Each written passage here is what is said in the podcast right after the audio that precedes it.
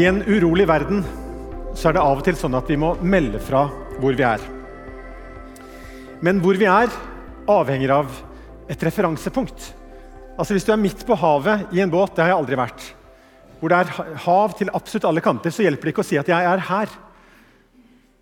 Eller hvis du er på, på fjelltur og det er eh, snøkave, det har jeg vært, da, da hjelper det heller ikke å si at 'det er her jeg er'. Du må si 'jeg er her' i forhold til det og det referansepunktet. Jeg har ikke retningssans og bruker mye GPS. Um, og hvis jeg ser på GPS-en at uh, antall kilometer øker i forhold til dit jeg skal, så vet jeg at jeg er på feil vei. Uh, og det kan være nyttig, altså. Men, men, da er det i forhold til et referansepunkt. sant? Og talen i dag den skal handle om referansepunktet Jesus. Og Det som er så bra med Jesus, det er at uansett hvor langt borte du er fra han, så er det alltid bare én retning til han. Altså Han er det referansepunktet som står til alle tider. Han er i går og i dag den samme ja til evig tid.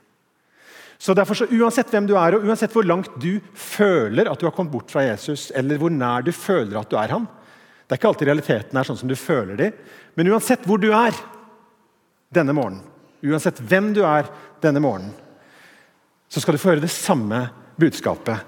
Og det er budskapet 'Kom til Jesus'. Det er Noen som sier at de får ikke til å tro. Jeg synes det er vanskelig det der med tro. Og Hvis det er deg, så skal du få lov til å begynne med å bare takke han.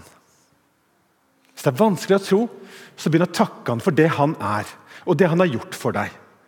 Og så kommer troen til deg. Troen kommer av forkynnelsen, og når du takker han for det han har gjort for deg, og den han er, så kommer troen til deg som en gave. Noen opplever at de fikser ikke det der å være kristen. De lever ikke opp til den standarden som de tror pastoren har satt for deres liv. De lever ikke opp til den standarden de sjøl har satt for sitt liv. De krasjer. Det er vanskelig å leve opp til kristennavnet. Eller et eller annet nivå av fromhet som en eller annen har satt et eller annet sted på skalaen. Og Hvis det er deg, så skal du også få lov til å bare begynne å takke han. For at det er hans standard og ikke din standard som skal ta deg til Gud.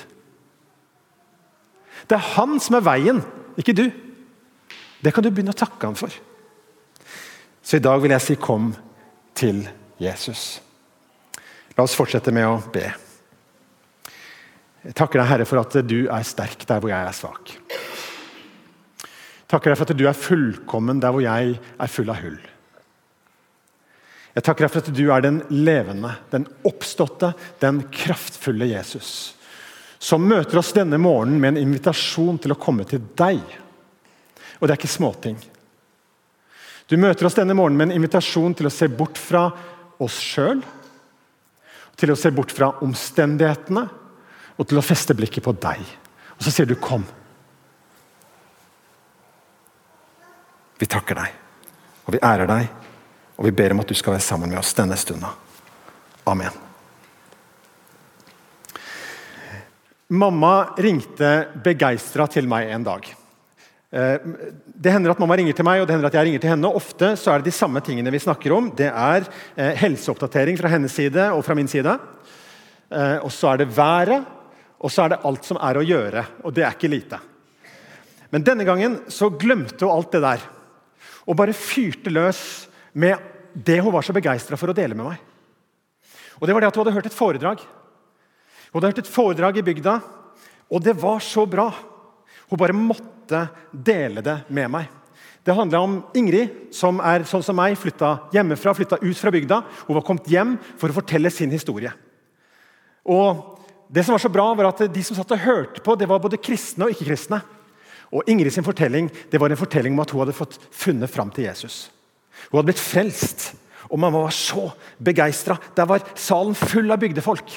Både kristne og ikke-kristne. Mamma visste veldig godt hva som skulle være utgangspunkt for neste samtale med naboen.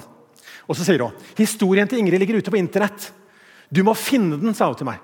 Du må hente den ned, og så må du lese den sjøl, for den er så bra.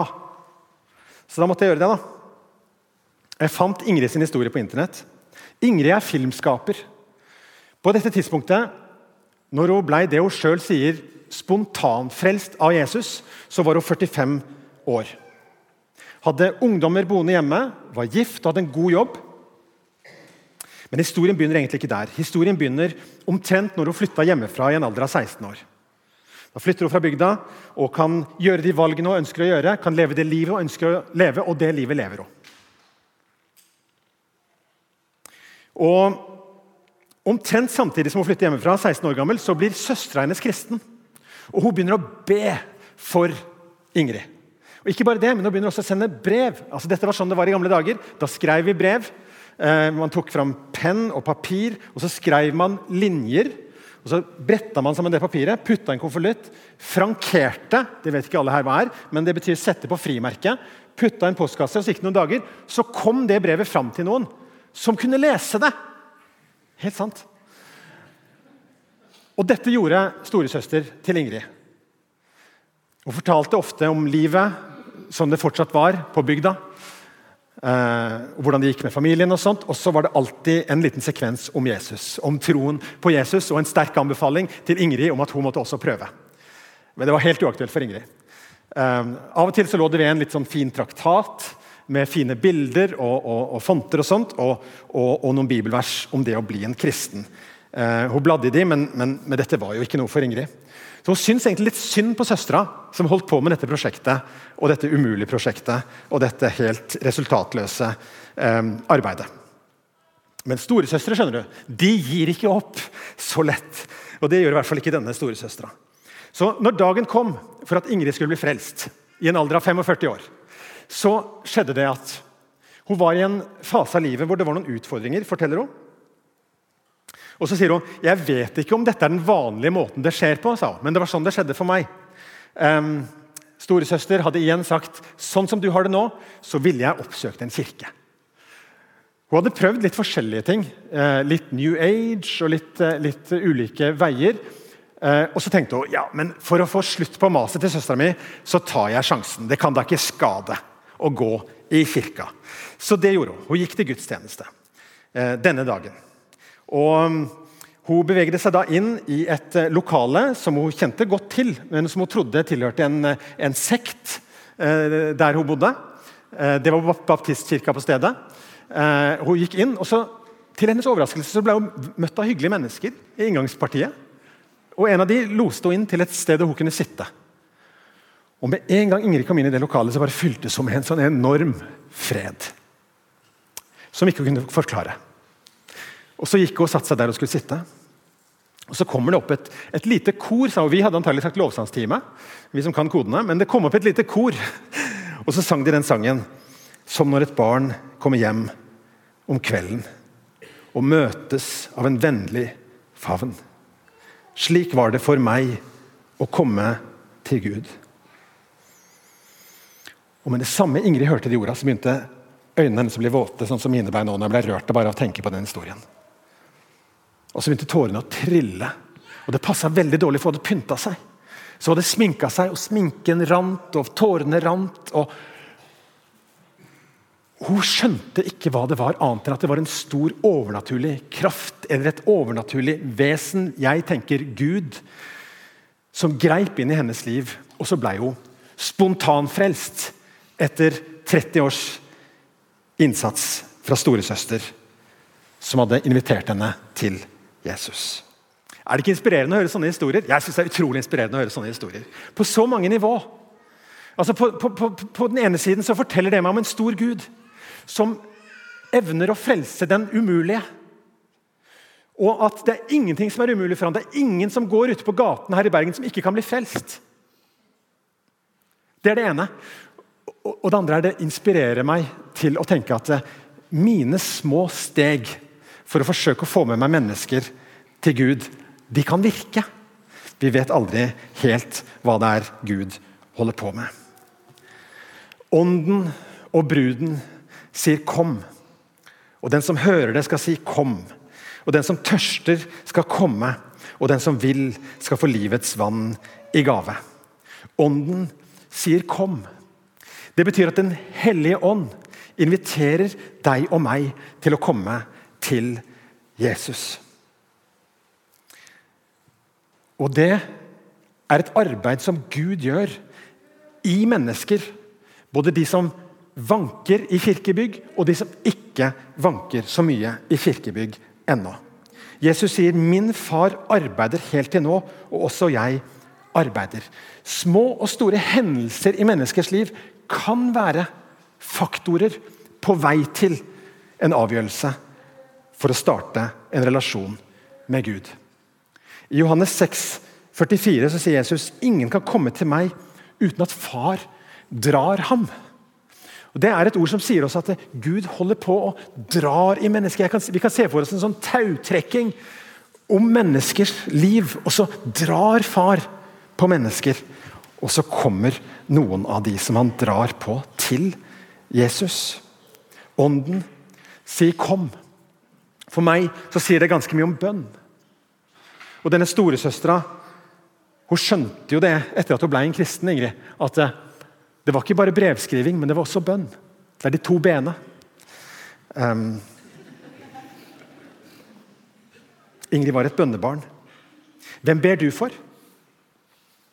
Ber du for kollegaene dine på arbeidsplassen din? Ber du for naboene dine? Ber du for nær familie? Vær frimodig til å be og ikke gi opp. Og Har du ingen som du spesielt ber for for tiden, så vet du hva? Han arbeider. Spør han. Spør han om å minne deg på noen du skal be for.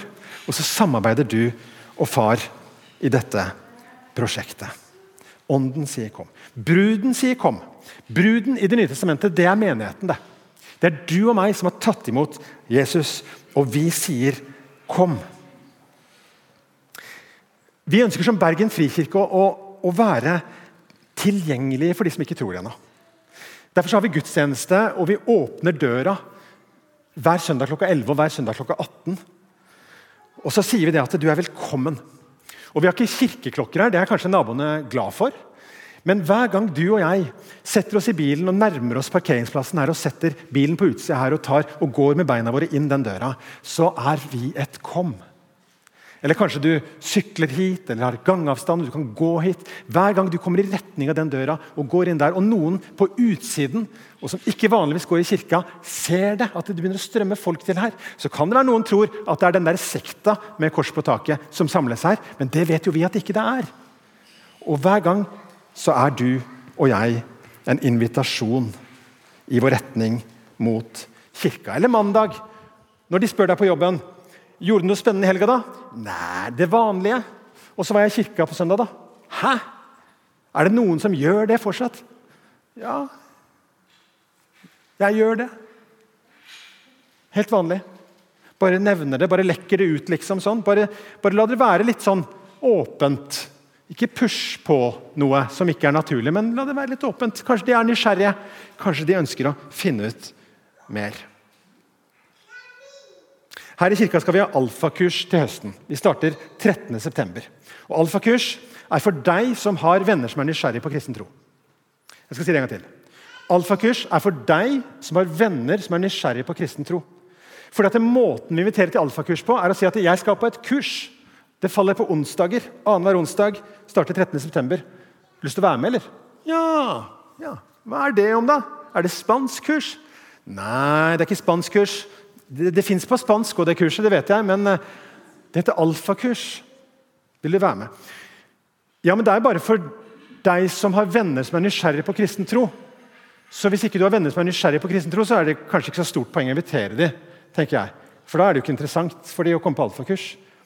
Så hvordan får vi da venner som er nysgjerrig på kristen tro? Nei, akkurat det jeg sa i stad. Du lekker liksom litt ut at uh, Jeg går jo i kirka på søndag, da.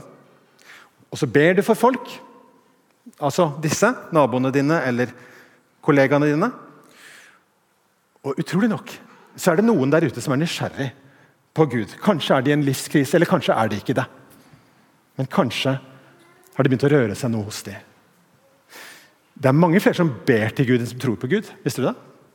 Det er veldig merkelig, men det er sånn det er. Det er mange flere som ber til Gud enn som sier at de er religiøse, ifølge norsk statistikk. Så allerede så ber de til Gud. Kanskje, begynt, kanskje Gud har begynt å svare dem på det de ber om. Hvem vet? Jeg syns du skal være åpen med at du går til gudstjeneste. Du kan begynne der. Og så syns jeg du skal spørre Gud er det noen av disse som jeg ser daglig, som jeg skal begynne å be for.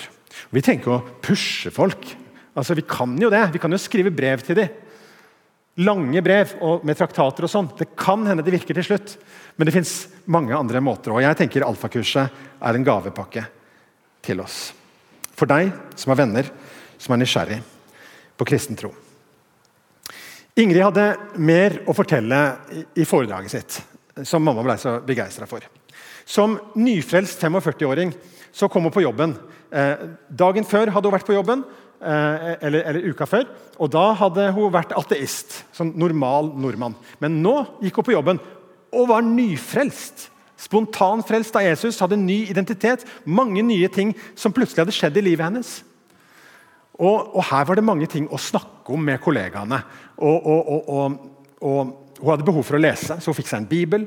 Leste Bibelen fra perm til perm, som hun trodde man gjør. Man må ikke det. Man kan også lese eh, evangeliene først, eller, eller, lese et av brevene først. Eller, eller, eller Det er spennende også å lese i særlig første og andre Mosebok. Det blir litt kjedelig i tredje Mosebok, men det går bra. Og For Ingrid så ble det en viktig kilde til at hun skulle skjønne mer om hva det var som hadde skjedd med henne når hun ble spontanfrelst av Jesus i den baptistkirka. Og så hadde det også litt mer å si da, når, når vennene spurte dette her som hadde skjedd med henne, um, hva det var for noe. Og Særlig én kollega han var uh, ganske kritisk. Han hadde jo kjent henne før, og da var de jo ateister sammen. Og Nå var ikke hun ateist lenger, og det var ganske så provoserende. Og Han mente at hun hadde blitt hjernevaska, og han mente at det var mye galt som var med denne kristne troen. og Han, han utfordra henne ganske sterkt, så det ble av og til litt krangel. Um, men hun ville jo ikke, egentlig ikke krangle med han, hun ville egentlig bare, bare vise ham hvem Jesus er. Og, og, det, og, det, ble litt rart og dumt, men de var veldig gode venner, og gode venner kan si ærlig til hverandre hvordan ting er. En dag så skulle de på jobbtur sammen, hun og denne ateisten. Satt i samme bil, og så sier han plutselig ut av det blå 'Taler du tunger?' Jeg vet ikke om det er et vanlig spørsmål å stille heller, men, eh, men, for hennes del så var det faktisk sånn at det var en gave hun hadde fått, et bønnespråk som hun hadde fått av Gud ganske tidlig i sin karriere som kristen. Uh, men hun syntes det var et rart spørsmål å få. Og, og, og liksom skal, er det sånn vi skal gjøre det? liksom? Skal vi, skal vi ja, Han ville at hun skulle be litt i tunger. Ja, Det var jo bare de der, så hun, hun lurte veldig på om det var riktig eller galt. Men, men, men så gjorde hun det. Så, så, så, kom ordene, og så fløyt det ut dette bønnespråket. Han satt på med gapende munn og vidåpne øyne mens hun ba i tunger. Og så sa han greit, jeg skjønner at det er ekte det som har skjedd med deg. Du kan slutte. Jeg skjønner at det er ekte det som har skjedd med meg, men ikke prøv å omvende meg. Jeg skal ikke bli kristen. Nei, nei det, det, det er greit. kan jeg leve med. Det står faktisk i 1. Korinterbrev 14 at eh, tungetalen er et tegn for de ikke-troende. Jeg har alltid lurt på hva det betyr, men nå kanskje det er det det betyr. At eh, ikke-troende på biltur med nyfrelste, nyspontanfrelste, kan spørre kan du be i tunger. Og så blir det et tegn på at Gud er levende, og at det som hadde skjedd med henne, var ordentlig. Kanskje er det sånn det er ment. En dag så kom denne kollegaen på på jobben hennes helt bleik i ansiktet. Og Så fortalte hun at jeg har fått uhelbredelig kreft.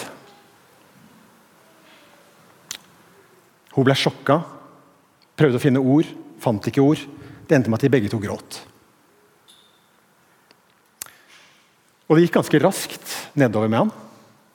Og Hun tenkte nå skal Gud vise sitt tegn med at, med at min venn blir helbreda. Det må være måten. Det, det, det, kan ikke være noe annet. Det må være det som skal skje. Han skal bli helbreda. Så hun begynte å be for han om det. Men det gikk bare én vei. Han ble dårligere og dårligere.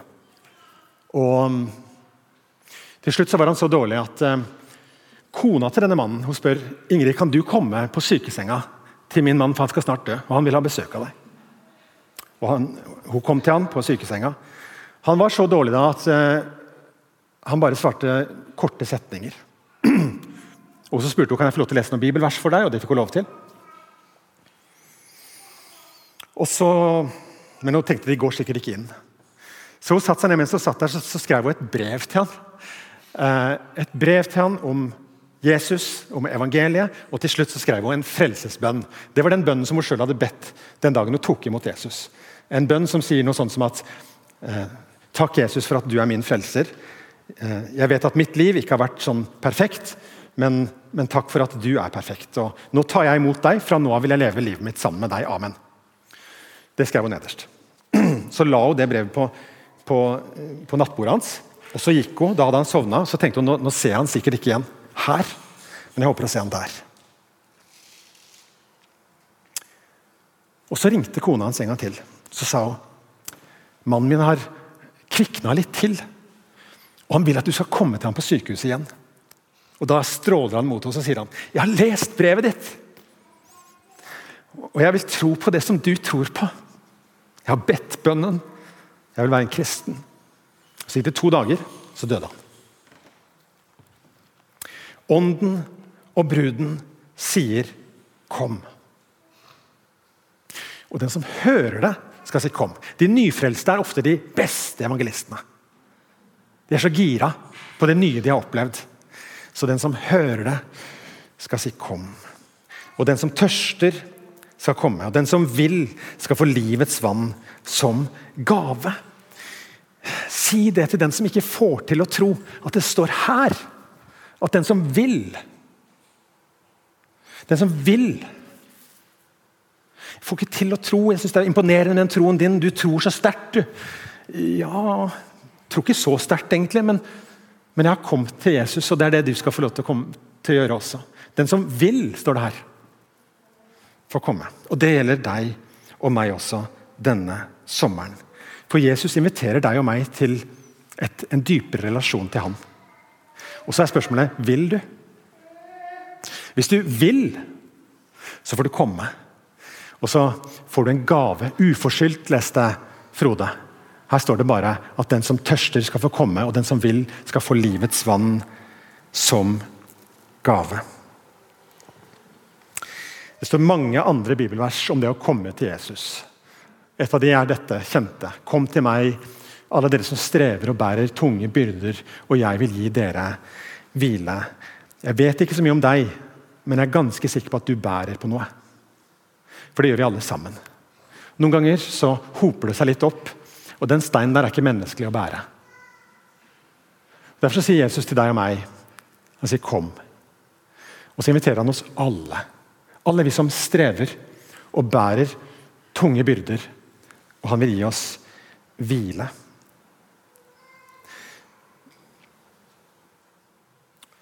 Og I verset etterpå så sier han at du skal få hvile for din sjel. For saken er at du, du er mer enn en kleshenger. Du er mer enn et oppheng man kan henge klær på. Du, du, du, har en sjel. Du er en sjel. Du er en kropp. Du har en kropp. Og du er et åndsvesen. Derfor har vi åndsverksloven i Norge, som betyr at når du har skrevet noe og fått copyrighten på det, så er det ditt. Det er åndsverk fordi du er åndsvesen, og Gud er ånd. Og han inviterer deg til at hans ånd og din ånd kan få komme sammen ved at du kommer til Jesus. Han kan gi sjelen din hvile. For den hvilen den finner du altså ikke på internett. Og Den hvilen den finner du ikke i sport og idrett. Den hvilen den finner du ikke på TV, og den hvilen den finner du ikke i hobbyer. og den hvilen den finner du ikke noe annet sted enn hos Jesus. Og Han inviterer deg, og han inviterer meg, til den hvilen som jeg tror du trenger denne sommerdagen og denne sommeren. Hvile for din sjel. Og så kanskje du sier ja, nå har du sagt 'kom til Jesus', 'kom til Jesus'. kom til Jesus. Men hvordan gjør jeg det sånn rent praktisk? Han er jo der, og jeg er her. Det er egentlig en invitasjon til bønn. For han er en som hører bønn, og som inviterer til bønn. Og når vi kommer til Jesus, så kommer vi til han i bønn. Det gjelder den som ikke er frelst ennå. Når han eller hun kommer til Jesus for første gang, så kan de komme med en bønn. De kan si noen ord til Jesus, og så, og så kommer de til han, og Det gjelder deg som allerede er kristen, og som vil ha en dypere relasjon med han. Når han inviterer og sier 'kom', så tenker jeg at det handler om en invitasjon til bønn. Om å si ting sånn som de er. Og I Det gamle testamentet i Isaiah 1,18 så står det 'kom' der også. Og Da sier Gud til Israelsfolket, og så sier Gud det til deg som er her også. Kom, la oss gjøre opp vår sak. For det, Ofte så er det jo noen som kommer i veien i mitt liv, og det er ofte min egen treghet og min egen synd og min egen hang til avguder og hva det skulle være som, som på en måte binder meg Så når han sier 'kom, la oss gjøre opp for sak', så vet han om alt det der. Om syndene deres, sier han. er som purpur, og det er den rødeste fargen du kan få. Skal de bli hvite som snø. Om de er røde som skarlagen, det er en konkurrent til purpur, så skal de bli hvite som ull. Han vet alt om deg. Han vet om det du ikke har fått til. Han vet om den standarden som du har satt, eller som noen andre har satt, og som du ikke lever opp til. Han vet om det, og han betalte for det på korset. Så det er ingenting som trenger å være mellom deg og Gud. Du kan få komme til ham. Du kan få komme til Han nå. Og la denne sommeren bli en sånn sommer som ikke er et hvileskjær bort fra Gud og en avkobling fra Gud, men en tilkobling til Han. Kanskje får du noe mer tid på hendene. Tid som du kan bruke til å sette av daglig til å komme til Han. Jeg lengter etter en dypere relasjon med Jesus. Jeg lengter etter fornyelse i mitt liv. Og Det er sikkert farlig å si sånn ved inngangen til sommeren, men jeg har lyst til denne sommeren de som sitter der må passe på meg, lyst til denne sommeren å sette av tid hver dag til å be til han, til å søke han, til å komme til han. Og Kanskje du også har lyst til det? Be for meg. Jeg vil gjerne be for deg. Og Så kan vi møtes igjen etter sommeren og så kan vi dele historier om hva som skjedde og hva som ikke skjedde. Hvor kampfylt det var, hvor enkelt det var, og hva som vi opplevde. For vi har alle våre ting. Det kan være sykdommer. Det står i Bibelen om helbredelse. Det står i Bibelen om at han kan hjelpe deg å bære det som er vanskelig. Hvis du ikke får helbredelse her. Det kan være synd, som jeg har snakka om. Det kan være bitterhet som låser deg fast, som binder deg. Det kan være bekymringer. Du kan få komme til han med alt det. Han inviterer i dag og hver dag. Og så lengter jeg etter å se at vi blir et sånt levende fellesskap som kobler oss på Gud, men som også ser stadig nye komme til tro på Han. Som ser stadig nye fortelle sånne fortellinger som Ingrid fortalte. Og som, og som deler frimodig om hvem Jesus er, som oppmuntrer oss i vår tro fordi vi hører fortellingen om de. Og Når nye kommer til tro, så vil det være stadig flere som sier disse tre bokstavene sammen. Dette enkle enstavelsesordet som vi sier, som Ånden sier, og som de som har kommet til tro, sier. Dette enkle, lille ordet som jeg skal avslutte talen med. Og det er ordet 'kom'. La oss be. Himmelske Far, du som har skapt oss med lengsler og med muligheter til å elske. Vi har lyst til å rette blikket vårt mot deg denne sommerdagen. Og så har vi lyst til å si at vi elsker deg. Det er ikke alt som er riktig med meg, men alt er riktig med deg. Og når du sier 'kom', så kommer jeg. Når du sier 'kom', så kommer jeg som Peter, som steig ut av, banen, av båten og vakla på bølgene. Så vil jeg komme mot deg, Jesus. Takk for at du er sterk. At du kan holde meg, og at du forstår meg. For du har sjøl vært et menneske. Herre, jeg vil komme til deg. Og Hvis det er noen her inne som har lyst til å si det samme, enten du er kommet langt bort fra Jesus, eller du er han inderlig nær Enten du føler at ikke du fortjener det, eller du føler at ja, nå har jeg i grunnen fortjent det. Uansett hvem du er, uansett hva du har erfart, uansett hvordan du føler deg, så kan du få lov til i hjertet ditt nå å si jeg vil også komme til deg, Jesus. Jeg kommer til deg, Jesus, på din invitasjon. Jeg vil være sammen med deg, Jesus, i dag og denne sommeren. Jeg vil være tilkobla den evige, som har alt i sin hånd. Jeg vil ikke gå min egen vei. Jeg vil, vil gå din vei. Så ber jeg for alle i denne byen som ennå ikke har funnet deg, Herre. La mange sånne som Ingrid stå fram og fortelle sin historie. La mange få komme til tro på deg. Fordi vi fins til som Bergen frikirke. Takk for at du sier 'kom'. Amen.